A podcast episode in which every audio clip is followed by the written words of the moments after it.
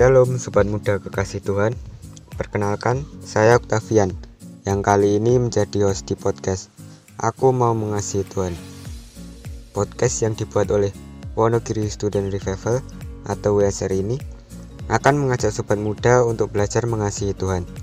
Podcast ini akan rilis setiap hari Jumat jam 3 sore. Jadi, setialah mengikuti setiap serinya ya. Jangan sampai ada yang terlewatkan. Supaya sobat muda bisa belajar dengan lengkap dan bisa mengalaminya dalam hidup sobat muda semua.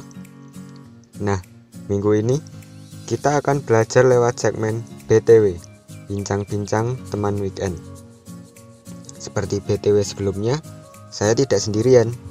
Saya akan berbincang-bincang dengan tamu spesial kita untuk bisa belajar bersama. Siapakah tamu spesial kita kali ini? Untuk itu, jangan ke mana-mana dan stay tune terus di sini ya.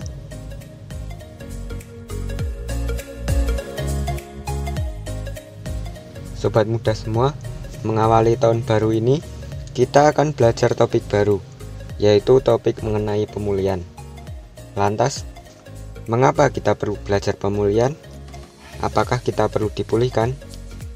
Dipulihkan dalam hal apa? Dan bagaimana mengalami pemulihan itu? Beberapa pertanyaan itu mungkin menjadi pertanyaan kita semua. Sobat muda semua, pastinya juga penasaran dong. Oleh karena itu, Setialah untuk mengikuti seri pembelajaran firman Tuhan ini tiap minggunya selama 8 minggu ke depan ya. Supaya kita bisa belajar dengan lengkap dan hidup kita diberkati serta menjadi berkat bagi banyak orang. Dalam seri pembuka ini, secara khusus kita akan belajar tentang tema kehidupan yang mulia. Baik, pertama-tama mari kita sapa gestar kita kali ini. Halo Mas Markus, bagaimana kabarnya? Apakah sudah siap untuk berbagi? Halo Mas Octavian, bersyukur kabar saya baik. Saya juga sudah sangat siap ini. Puji Tuhan. Oke, langsung aja kita masuk ke pertanyaan pembuka ya Mas. Sebenarnya, seperti apa sih hidup orang Kristen itu? Pertanyaan yang sangat menarik ya. Pada hakikatnya, hidup orang Kristen itu adalah hidup oleh karena anugerah. Mengapa bisa demikian? Ya, pada dasarnya orang Kristen juga merupakan orang berdosa yang menjadi pemberontak di hadapan Allah.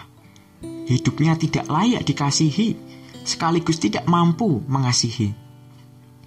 Dan sepantasnya yang dialami hanyalah dihukum. Namun demikian, Allah yang kaya dengan rahmat dan kasih karunia itu memutuskan berdasarkan kerelaan kehendaknya untuk menyelamatkan dari dosa, memberikan hidup kekal, dan bahkan menopang serta memulihkan hidup orang Kristen ini. Dari awal keputusan seseorang untuk bertobat dan menerima Tuhan Yesus itu sudah merupakan anugerah ketika menjalani kehidupan sebagai anak Allah pun itu juga anugerah. Kehidupan Kristen adalah sebuah kehidupan yang sungguh amat mulia, sebab kehidupan ini dikepung oleh anugerah Allah. Sobat muda, betapa amannya hidup kita jika berada dalam anugerah Allah ini. Luar biasa sekali ya sobat muda. Ternyata Hidup orang Kristen adalah hidup oleh karena anugerah. Kita pun juga patut bersyukur oleh karena kehidupan yang mulia itu. Kemudian nih mas, bentuk-bentuk anugerah itu seperti apa aja ya? Oke, baik. Jadi secara umum setidaknya ada lima bentuk anugerah. Yang pertama adalah anugerah Allah yang menyelamatkan. Dalam 1 Yohanes 4 ayat 9 menyatakan bahwa Allah memberikan anaknya yang tunggal untuk menyelamatkan manusia. Allah memilih kita. Allah mencari kita. Allah menggerakkan orang-orang untuk memberitakan Injil kepada kita. Allah membuat kita bertobat dan Allah pula yang melahirbarukan kita. Allah tidak pernah putus asa untuk mencari kita, bahkan dengan proses yang rumit, sampai akhirnya kita dilahir barukan menjadi anak Allah. Nah, sobat muda, apakah kita sudah menerima anugerah Allah yang menyelamatkan ini? Untuk menerima anugerah ini, yang harus kita lakukan adalah menerima Tuhan Yesus ke dalam hidup kita secara pribadi. Kedua, anugerah Allah memberikan kehidupan baru. Kasih Allah itu mendahului segala sesuatu. Ia melahirbarukan kita semata-mata karena kasihnya.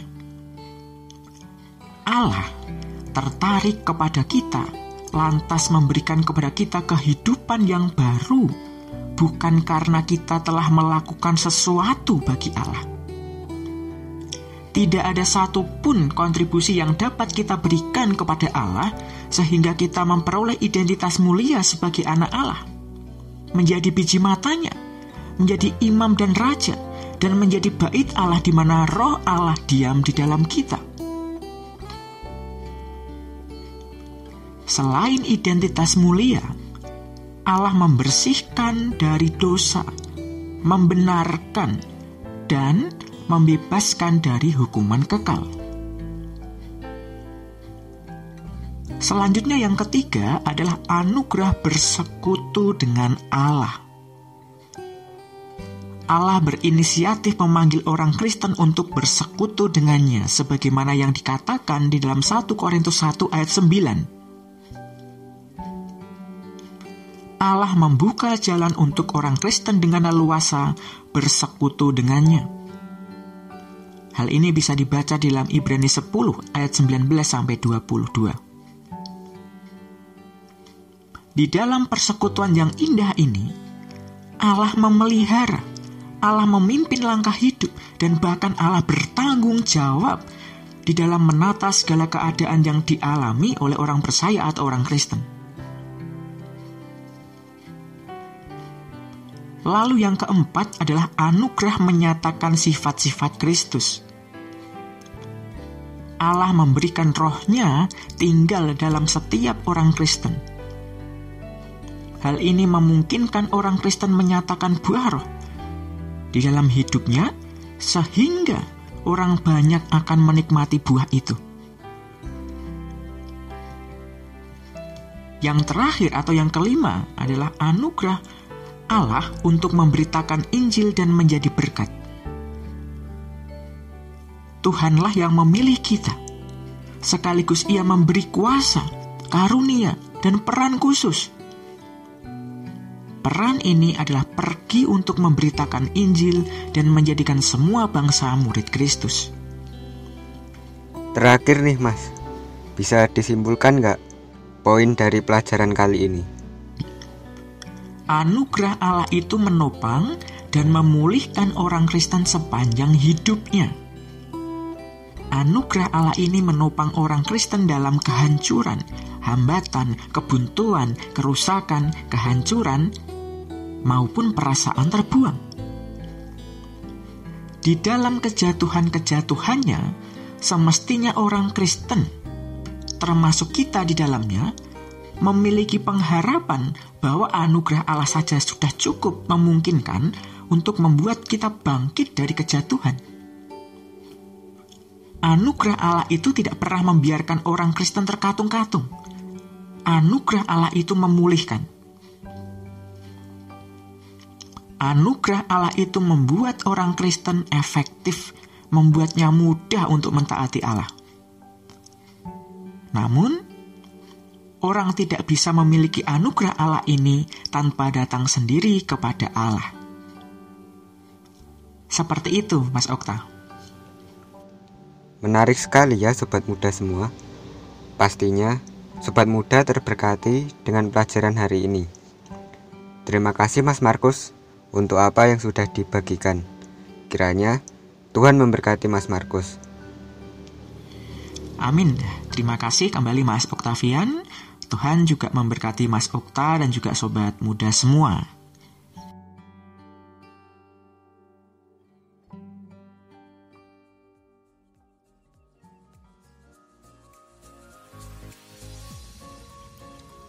Sobat muda kekasih Tuhan, senang sekali ya hari ini kita bisa belajar bersama lewat bincang-bincang teman weekend. Kiranya pelajaran firman Tuhan hari ini memberkati sobat muda semua. Sobat muda jangan sampai terlewatkan untuk mendengarkan bincang-bincang teman weekend minggu depan ya. Tentunya bincang-bincang minggu depan pasti tidak kalah seru untuk kita pelajari dan kita alami bersama. Kalau ada sobat muda yang ingin berdiskusi, bertanya, memberi masukan, boleh deh sobat muda sampaikan lewat Instagram WSR yaitu di @wstudentrevival. Oke, sekian podcast kali ini. Gabung lagi minggu depan ya. God bless you all.